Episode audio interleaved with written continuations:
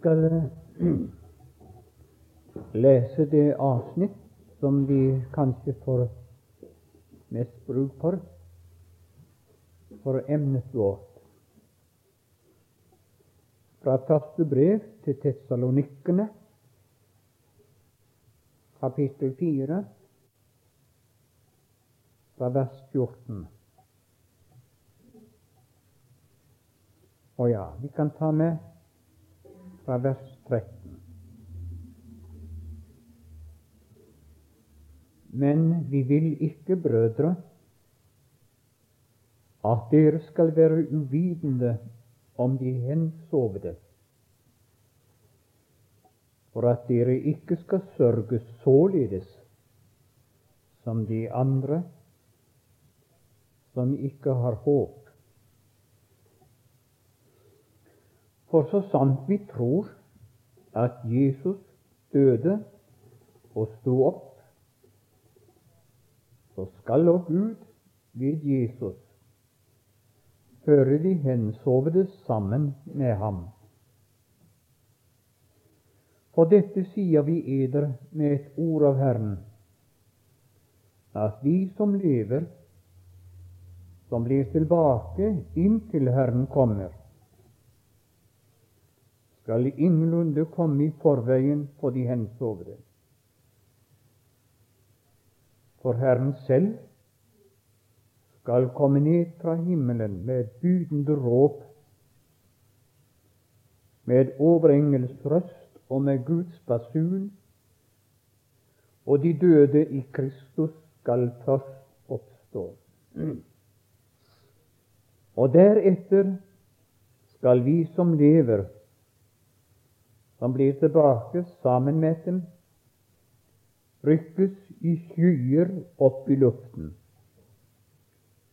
for å møte Herren. Og så skal vi alltid være med Herren. Trøst da hverandre med disse ord.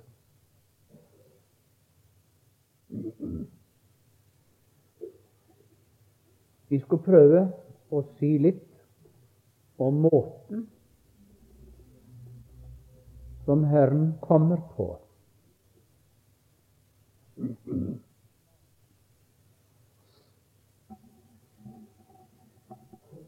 I eldre dager da var det en oppfatning at Jesu komme, de dødes oppstandelse, og dommedag var en og samme hendelse som fant sted så å si på en og samme gang. Ja, også i forbindelse med fryktelige naturkatastrofer. Det kan jeg huske så langt tilbake som jeg gikk i folkeskolen, og det er sikkert flere av dere som kan huske det samme.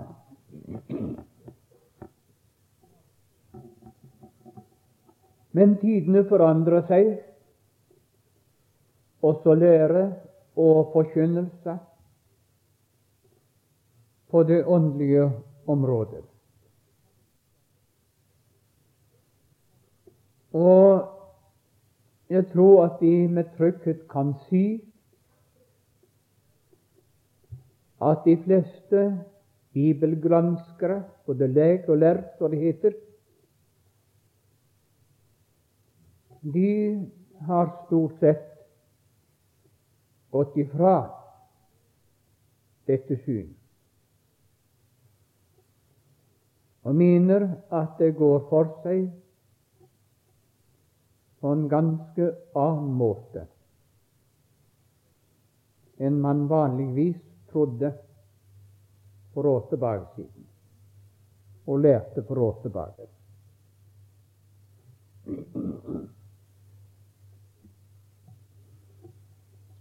Hvis man vil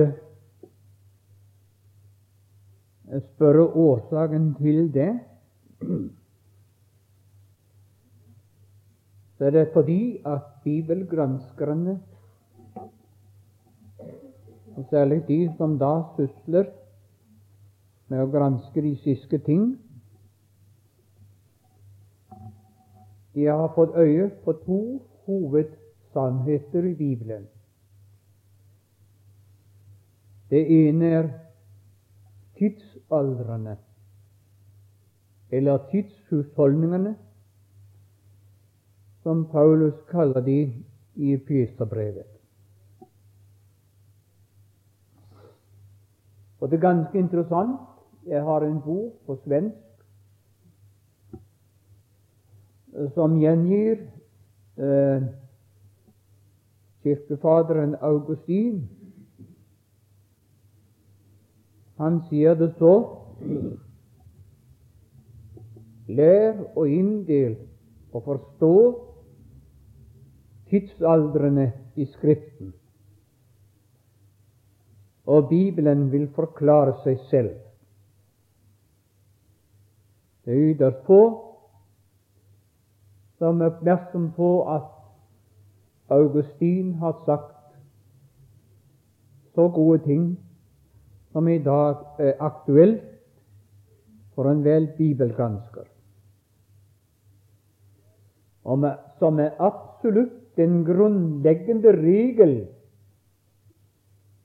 for å kunne tolke de bibelske sannheter, og særlig om de siste ting. Og den andre ting det er man har virkelig oppdaget hva menigheten betyr i Bibelens språk. Alle vet mer og mindre hva det betyr fra Kirkens prekestoler ellers, men det er ikke alltid det samme som hva ordet betyr i Bibelens språk. Og først når man oppdager menighetens plass, først og fremst som en tidsalder, og likeså dens forhold til de andre tidsalder, vil man begynne å få en rett forståelse av Kristi komme og de siste ting.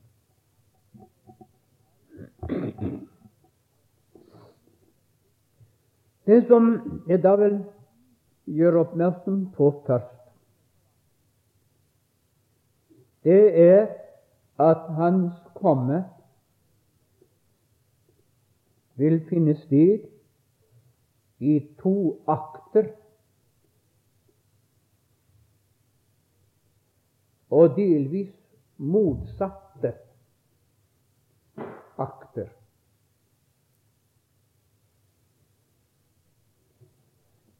Tiden kan ikke tillate det å bevise det med de mange gudsord. Da rakk jeg ikke noen ting i kveld. For vi har også en, ved siden av den læremessige en oppbyggelig side som jeg synes vi må ha fram i kveld. Disse to akter pleier man å gi navnet Forrykkelsen og Åpenbarelsen. Forrykkelsen og åpenbarelsen. Så skal jeg prøve å dra opp en forskjell mellom disse to akter.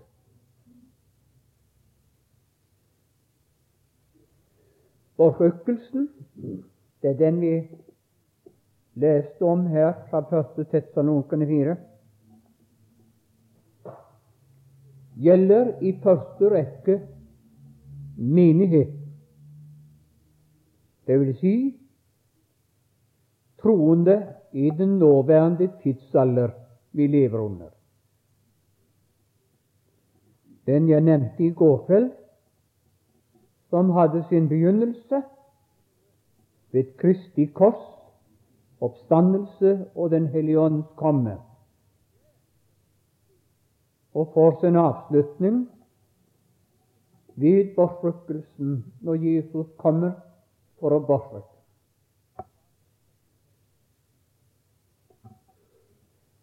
Åpenbarelsen gjelder i første rekke Israel, og i særdeleshet jødene.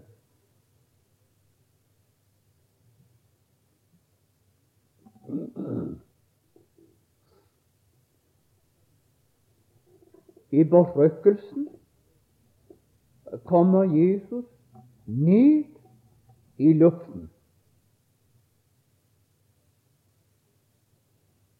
I åpenbarelsen kommer han ned til jorden, og hans føtter skal da stå på oljefjellet.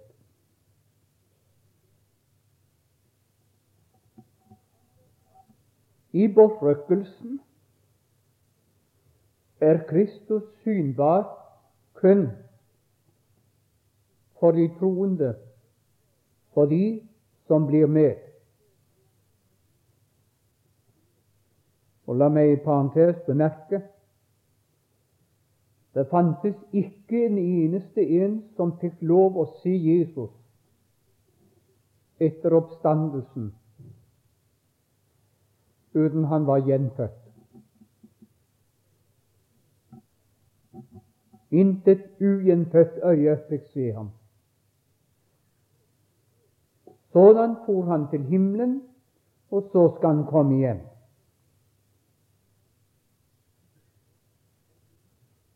Men i åpenbarelsen,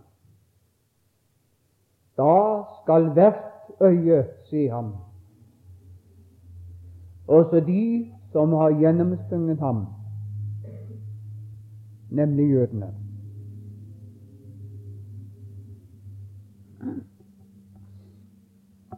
I bortrykkelsen kommer han for å hente sine. I åpenbarelsen kommer han med sine, altså tilbake.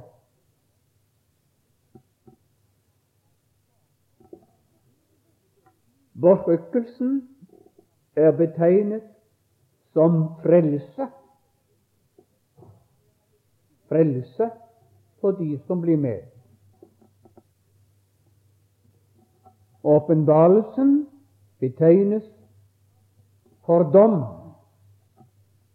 Han kommer for å holde dom.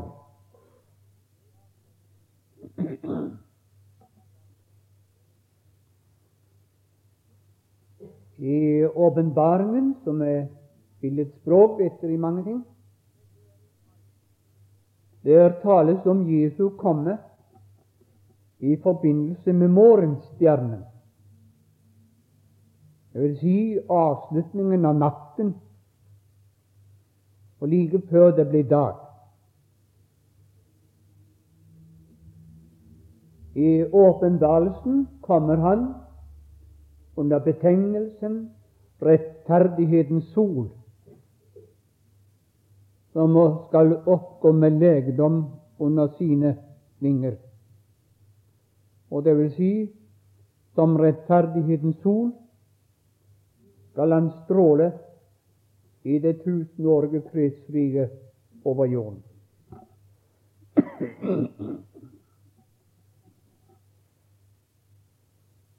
Bortrykkelsen har Paulus talt mest om.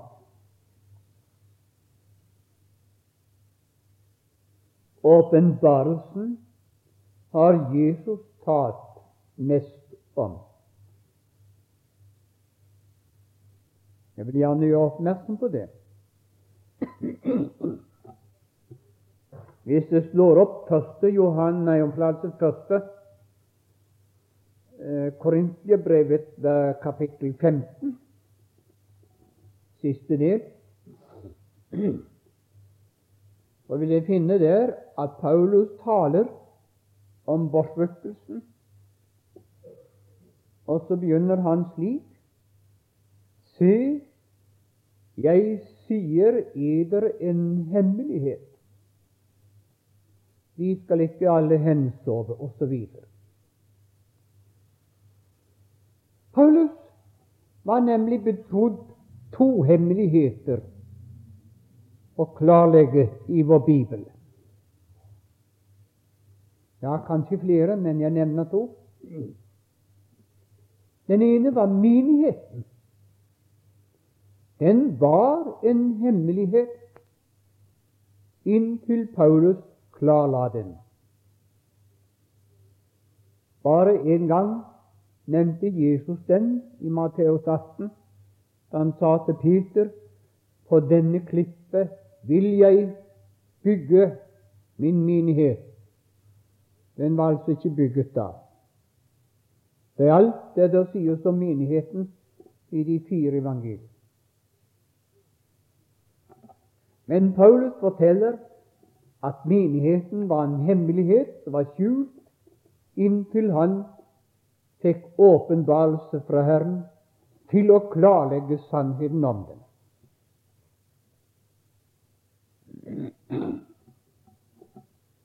Jesus han har også talt meget om sitt komme. Men eh, det han har talt om sin komme, det sikter hen på hans komme i åpenbarelsen for Israel. Det er svært få bibellesere som er klar over det, og derfor blander de meget sammen.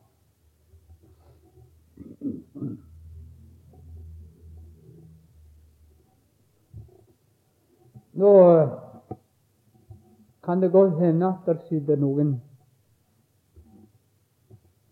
eh, som er kritisk innstilt, og det må du få lov å gjøre. Og eh, til dere som er kritisk innstilt, så vil jeg bare si med en gang skal ikke ta det for sant om jeg står her og sier det.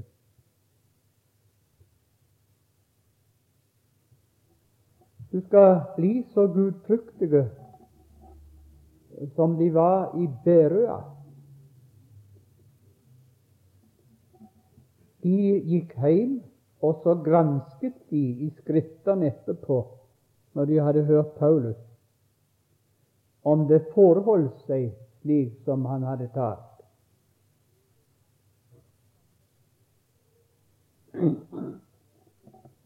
Og for at ikke skal uh, tro som det kan ha grunn til, naturligvis, at en lekpredikant våger til å framstille det slik uten videre. Så kan jeg iallfall trøste dem med at vår avholdte og kjente norske Ole Hallesby framstilte også Kristi komme i to akter. Og eh, den danske kjente Skoger Pettersen også, men svakere enn Hallesby.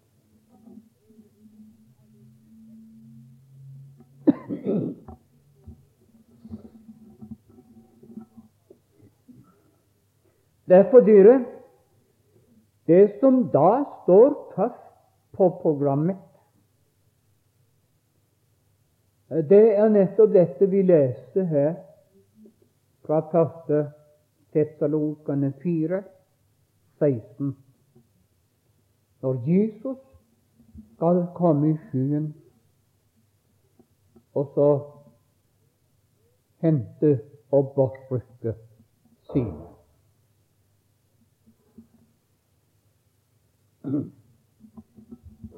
Og vi vil da stanse med vers 18, som danner avslutningen på det som her er sagt. Det slutter nemlig slik Trøst da hver andre med disse ord. Bortrykkelsen skal altså forkynnes slik den skaper trøst. Om det lykkes meg i kveld, det kan ikke jeg på forhånd si. Jeg har bare den bønn og ønske at det må bli. Men i alle fall vil jeg gjerne si til alle dere troende at det er tap i Guds ord med den hensikt at det skal være deg til en stor trøst. Og er det ikke enda blitt en trøst, så må det være noen årsaker til det.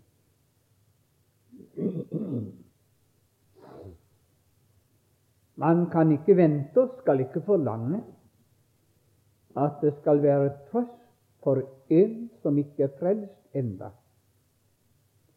Nei, nei, nei. Det bør heller skape den største redsel og angst ved tanken på om Jesus kom nå, og du ble igjen. For stakkars arme menneskehet, hva de da må gå igjen.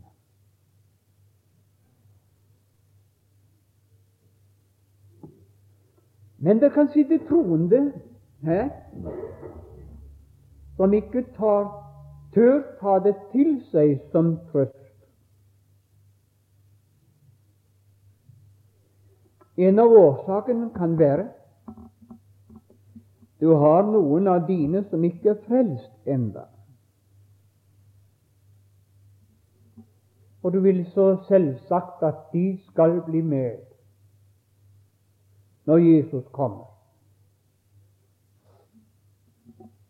Det var lov å koble ut det spørsmålet og trøste deg og glede deg ved tanken på Jesu komme. For i samme øyeblikk du er rykket bort, er også ansvaret for deres frelse løftet av deg. Og du vil aldri kjenne noen sorg eller pine om de skulle gå fortapt.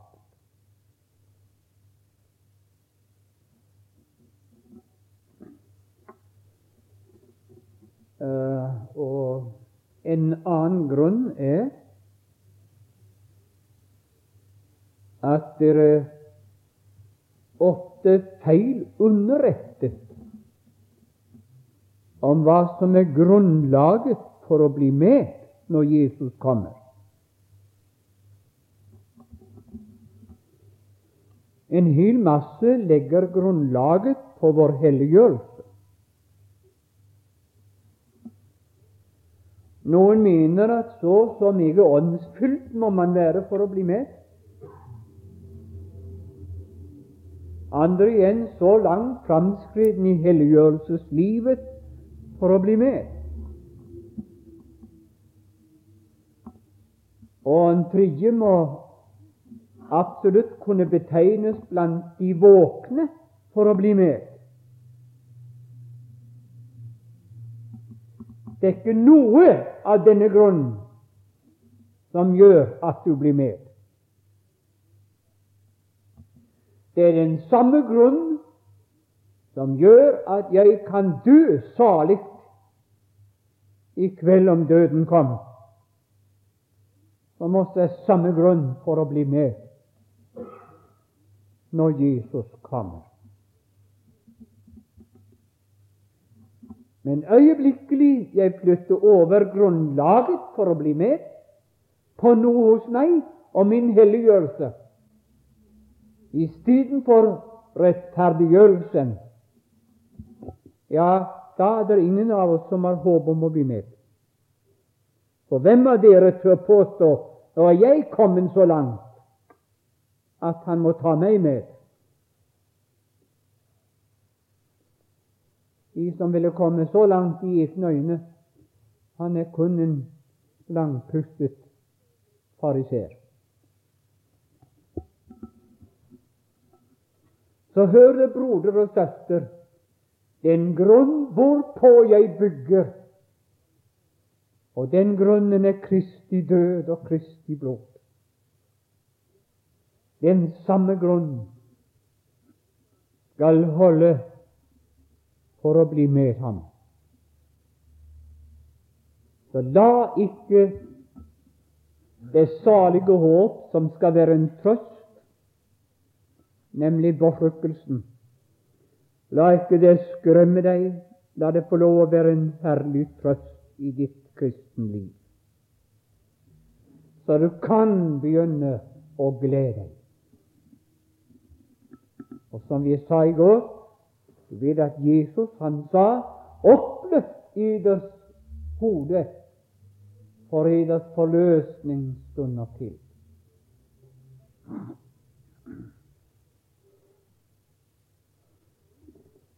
Det som sikkert er årsak til trøst, er da først uttrykket Herren selv skal komme ned. Merk deg Herren selv.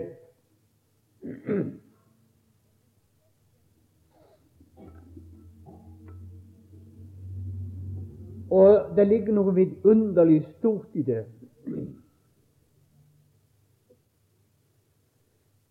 Det, det betyr ikke Åndens komme. Det betyr ikke Guds rikes komme. Det betyr ikke Jerusalems ødeleggelse. Det går i ett når Jesus taler om sitt komme, sin åpenbarelse. Og det er heller ikke den troendes død det gjelder. Heller ikke dommedag. Den skal komme, og den skal komme synere i historien. Og vil du legge merke til intet sted i Bibelen er vi oppfordret til å vente på Antikrist. Det er bebudet at han kommer. Men det er ikke sagt direkte til noen troende at de skal vente på Antikrist. Det er bebudet om en stor trengsel skal komme, om fryktelige plager og kriger på jorden.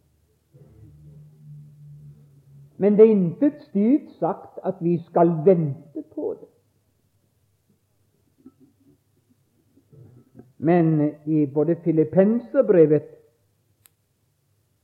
3.20 og 1. Tessalonkane 1, 9 og 10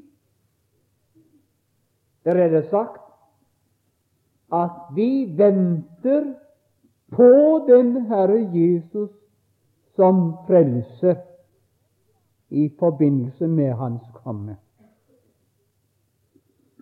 Og til de troende i Tessalonika skrev Paulus dere venter dere fra avgudene og til den levende Gud og til å tjene den levende Gud, og vente på Hans Sønn fra himmelen. Og vi er heller aldri et eneste sted oppfordret til å vente på dommedag. dommedag er beskrevet som en virkelighet der kommer en gang i framtiden. Men ingen troende er oppfordret til å vente på den. Vi er tvert imot gjort oppmerksom på at vi kommer ikke til dom, for vi er gått over fra døden til livet. Vi har i vårt nor kristne Norge en troesbekjennelse som vi sikkert kan gå med på de fleste. Jeg for min del skulle ønske en liten tillegg til den. Og Nå skal jeg ikke være nervøs og dette av stolen om jeg sier det. Eh, vi, vi, vi har det uttrykket 'hvorfra han skal komme igjen for å dømme levende og døde. Ja, det er sant, det. Men det skal han ikke gjøre først. Og som sådan skal ikke Guds menighet i dag vente ham. Han skal komme igjen for å hente menigheten og de troende og frelse dem ut fra den nåværende onde verden og senere skal han komme igjen for å dømme levende og døde. Jeg bare ønsker den lille for tillegg der, skjønner dere. Ellers så må ingen si at det vil kritisere og fordømme den ellers gode eh, trosbekjennelse vi har.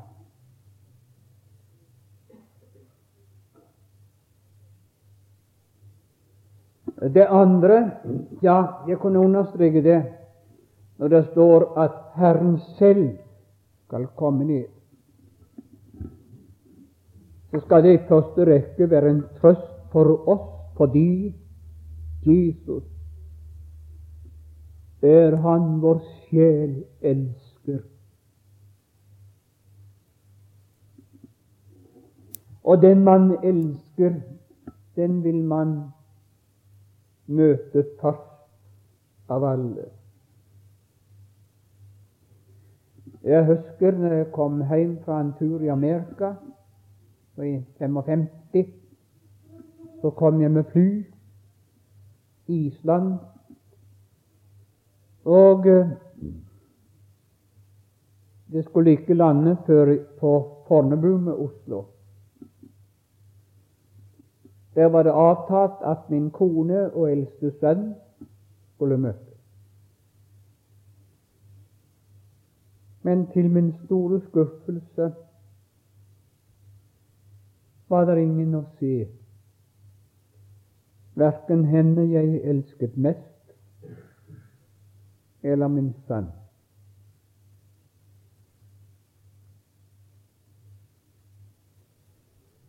Vel, de var kommet til Oslo, men feilen var at flyet kom inn en time tidligere enn vanlig. De hadde kjørt på rekordtid, og det var visst for en stakkars norsk lekpredikant lengta til kona si. Ja, jeg hørte kapteinen sa når de steg fra bordet i dag har vi slått rekorden med en time tidligere. Og selvsagt møtes vi likevel.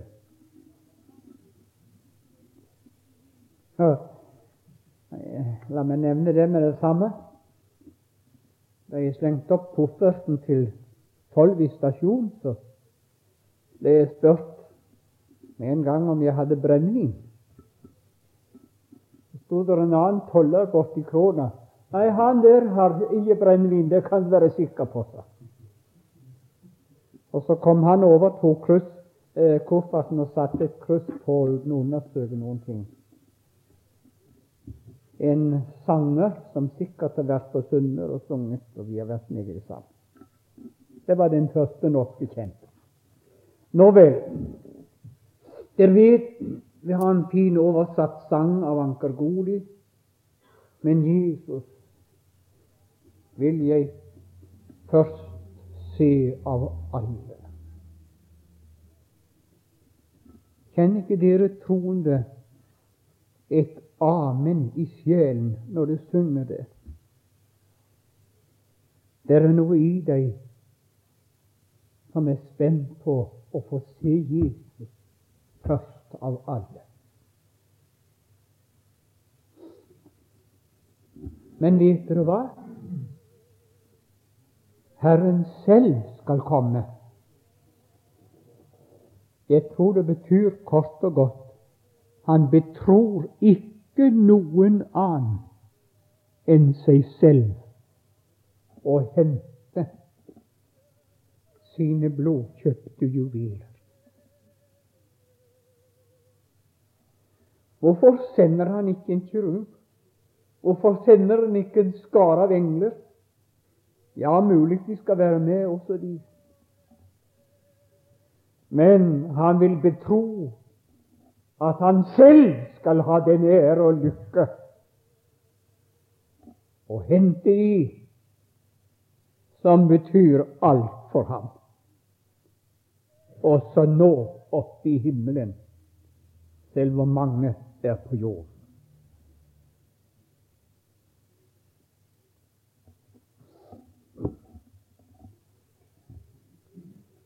Og en ting til som gjør det som grunnlag for trøst, det er at vi får oppleve én av to ting. Enten får jeg oppleve oppstandelsen eller forvandlingen. Hør hva det står. De døde i Kristus skal først oppstå. Og her kan vi også ta med at også de døde i Kristus før korset, Gamle testamentets troende, så vel så døde i Kristus etter korset gjelder det. For de døde i Kristus døde i tro på Han som skulle være soneofret for dem. Og inntil Guds sønn ropte det var fullbrakt, var de frelst på kreditt. Men da ble gjelden betalt, da han ropte det fullbrakt. Vi som dør i Kristus i dag, vi dør i tro på et verk han har fullbrakt. Og alt er gjort som gjøres skal til vår frelse. Derfor er uttrykket 'de døde i Kristus' skal først oppstå. Jeg vet ikke om jeg har lov å presse det uttrykket først, og deretter Det er mulig om, man, om jeg kunne gresk, at det ikke kan tolkes slik, men,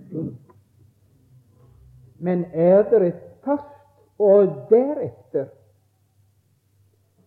da er det klart at oppstandelsen og forvandlingen skjer ikke i ett og samme øyeblikk.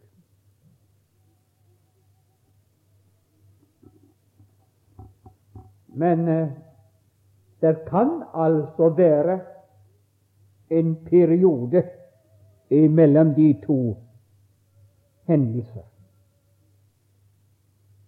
De døde i Kristus skal først oppstå, deretter skal vi, som lever altså. Ja, jeg har tenkt meg, men eh, Jeg vil ikke gå 100 inn for å si at det er så. Men jeg vil bare gi rom for en tanke. Skal disse troende først oppstå, og skal de kanskje ha en misjon å gjøre før selve berykkelsen finner sted.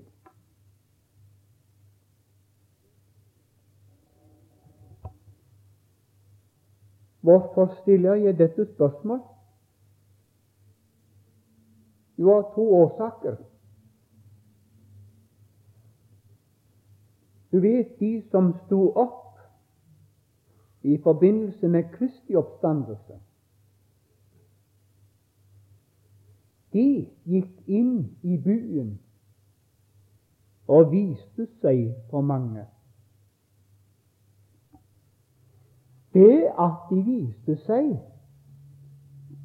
det betyr òg at de hadde noe å si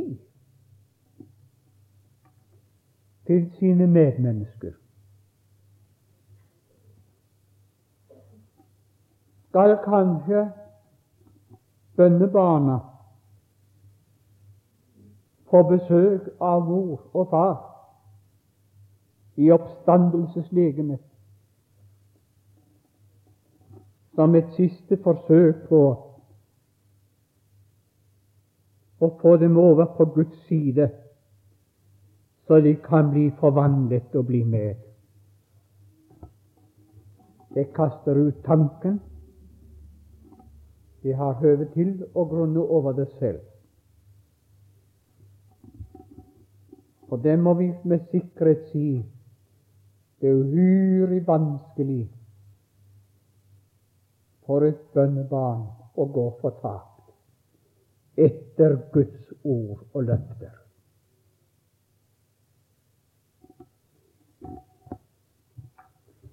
Jeg har hørt mange troende si å, det skulle vært gildt å så opplevd forvandlingen.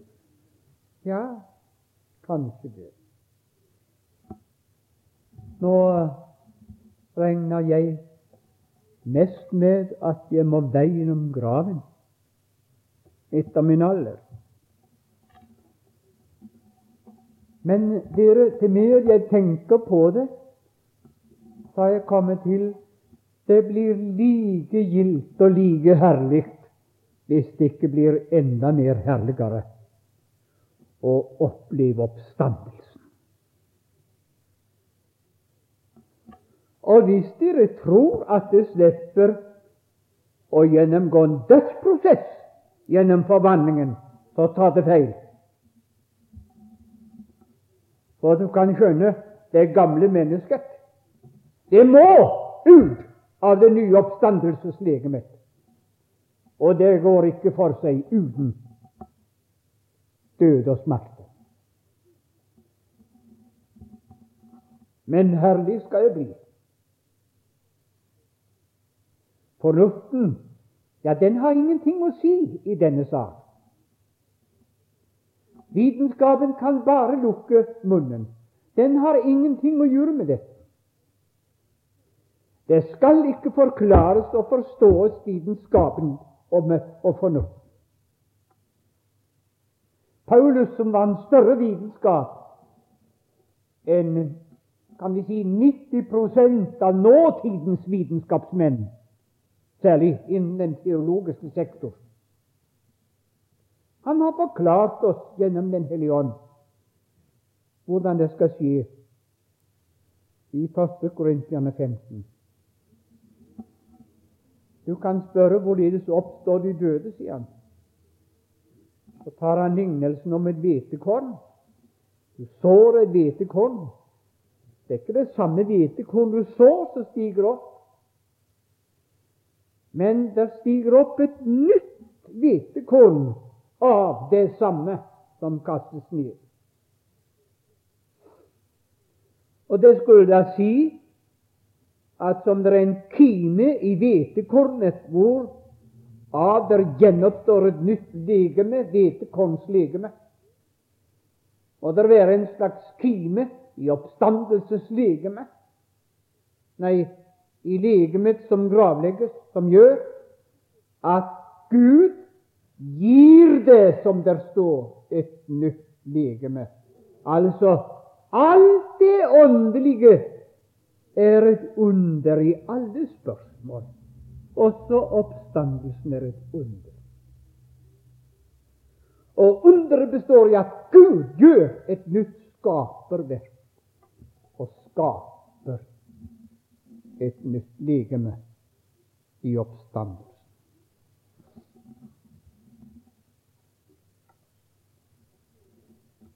Og etter denne akt så heter oppstandelsen og forvandlingen. Så kommer det neste øyeblikk, da vi skal rykkes i skyer opp i luften. Uttrykket skyer her betyr ikke vi skal rykkes inn i naturskyer, så vi gjemmes og skjules, akkurat som et fly gjemmes opp i en natursky. Nei, rettere oversatt betyr det vi skal rykkes i flokker opp i luften. Men flokkene skal se ut som en hvit sky så kommer det skyer ifra alle kanter av Norge, Sverige, Danmark, de andre europeiske land, ja, fra hele jorden. Så kom det noen skydotter ifra Sunnmørs mange kirkegårder.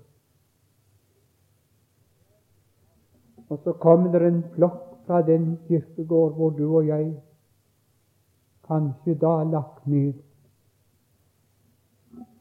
Og så skal havet gi tilbake de døde. Jeg det bare ønske at den flokk blir stor, og at ikke du og jeg savnes da. Og skulle dere ikke bli med noen, så tror jeg vi har lov å bruke Jesu ord om Judas. Da var det bedre du ikke var født.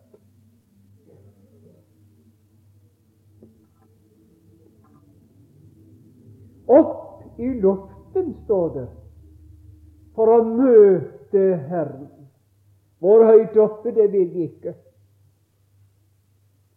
Men jeg tenker det så høyt at jorden forsvinner, og ny verden åpner seg.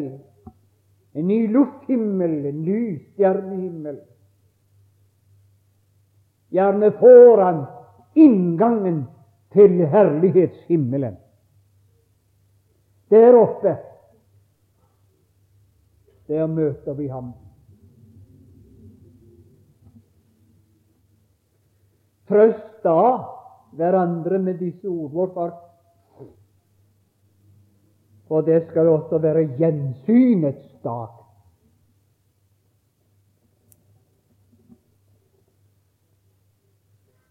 Gjensynet, først og fremst gjensynet med den Herre Jesus. Dernest gjensynet med de mange vi her skiltes fra. Og gjense dem i oppstandelseslegemet. Da, når de er fullkommen frelste. Det blir noe rart.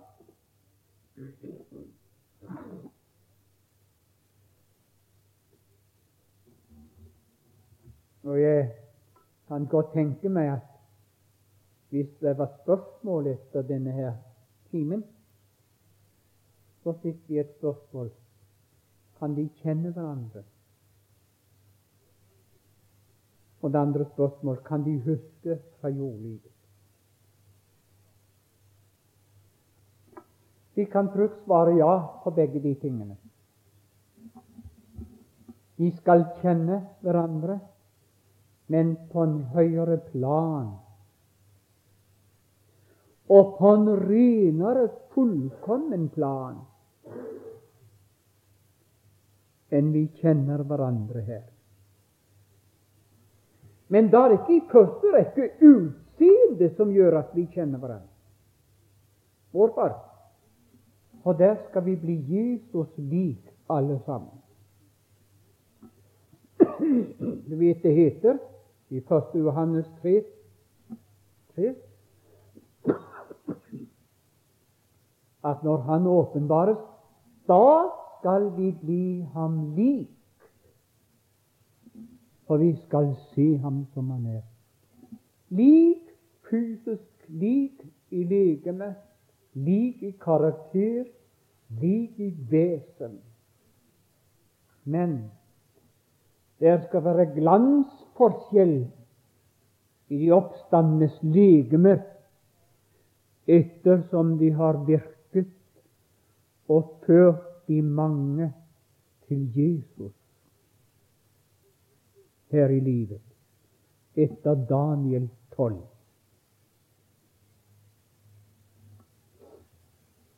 Men én ting skal vi være Kristus ulik. Ingen av oss skal bære merkene etter Golgata. De skal han ha eneretten på. Det er mange blitt korsfestet etter Jesus, mange martyrer.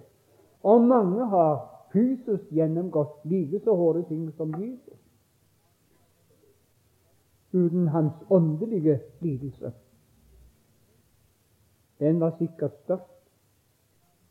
Men ikke én av de oppstandende i oppstandelseslegemet skal bære merke etter jordlivets lidelse jordlivets livets maturtid. For en skal bære merker Guds sønn.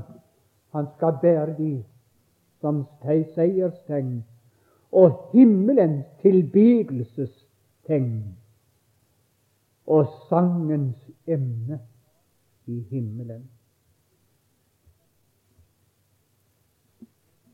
Å ja, nå går tiden dessverre.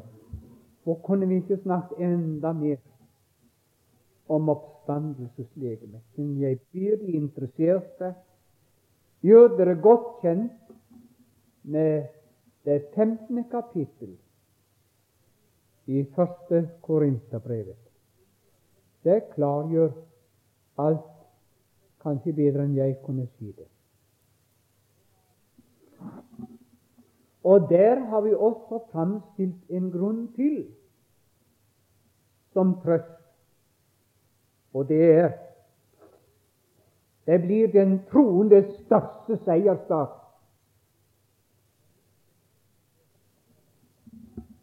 Paulus dere skildrer forvandlingen, oppstandelsen og berykkelsen også der. Og så sier han, 'Død, hvor er din brodd?' Og i den gamle oversettelse står det, 'Helvete, hvor er din seier?' Dødsriket, hvor er din seier? Nå er jeg tapt for alltid. Døden og dødsriket får aldri mer tak på meg. Tap for evig. Og brodden, forteller han, det er synden. Synden, det er det samme som våre synder i Bibelens språk. Våre synder er det samme som misgjerninger og overtredelser. Det er handlingssynder.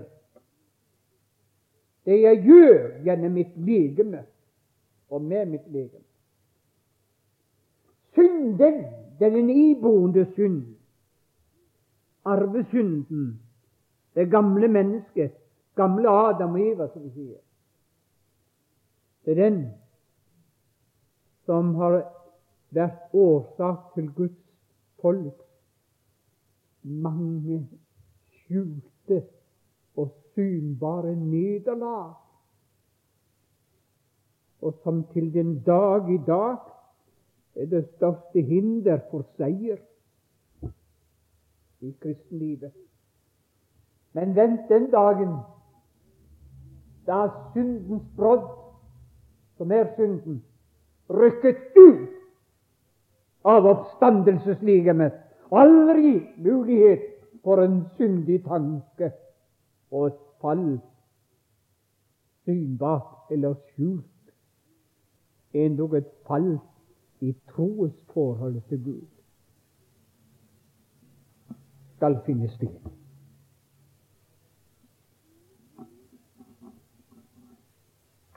Og så slutter han med den mektige lovsang. Gud være takk, som gir oss seier i denne bortrykkelsesakt ved Jesus Kristus. Og til slutt må vi få si det blir en bønnhørelsens dag. Tenk om du hadde et lydbånd som hadde fulgt deg livet igjennom ifra du var frelst, til der du sitter i dag, og tatt opp alle dine bønner. Hvor mange ganger har ikke du bedt om at du må bli med den dagen? Ikke bli igjen den dagen. Ikke bli glemt den dagen. Ja, men vet du hva? Jesus har også bedt for deg om det samme. Slå opp Johannes 17, 24.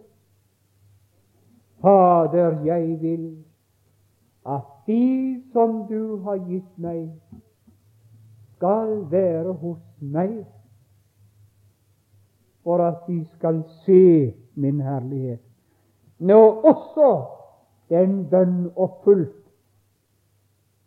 For hør hva det står her.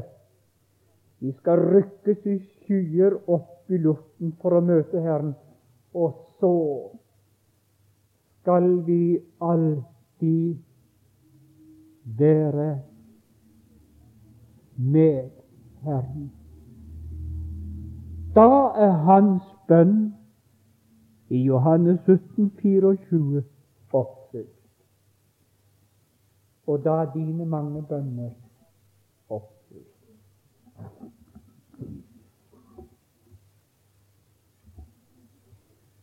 hvis det blir en overraskelse i himmelen. så blir det ikke bare å se Jesus, men det å si noe bestemt angående Jesus. Det blir kanskje overraskende. Hva er det? det er å oppdage en Jesus som er mer glad enn du er. At han har fått deg hjem. Mer lykkelig enn du er at han har fått deg hjem. Slik er Jesus. For bare tenk på lignelsen i Lukas 15 om det ene får han. La han det på sine skuldre, og så bar han det hjem med glede. Det er nåtiden, det. Men når han kom hjem, kalte han sine granner og venner sammen. Og det var englene. Gled yder med meg! for jeg har funnet mitt får og fått det høy. Står det ikke et ord om at fåret gledet seg? Det fåret er så lik deg og meg. Og takk, Jesus. Mange ganger her på jorden har det vært grunn til tilbedelse at du kan bære En stakkar som meg med glede. En som en enda ikke har lært å glede seg som jeg burde og skulle i deg og din frelse. Men hvilket skjønt bilde av Jesus når du kom hjem. Så kom du hjem med fåret. Sånn skal du en dag komme hjem med menigheten som du vant ved ditt blod. Og da skal gleden være så stor for deg, Jesus, at du må dele den med andre. Vi er kanskje så overrasket. Vi har ikke fått tid å begynne å glede oss engang. Men takk for slik er du, Jesus. Høy love deg, Guds sønn. Fyll våre hjerter med Den hellige ånds kjærlighet til Jesus. Så det blir enda større for oss etter denne kvelden og du skaper hengivelse i vår sjel. Amen.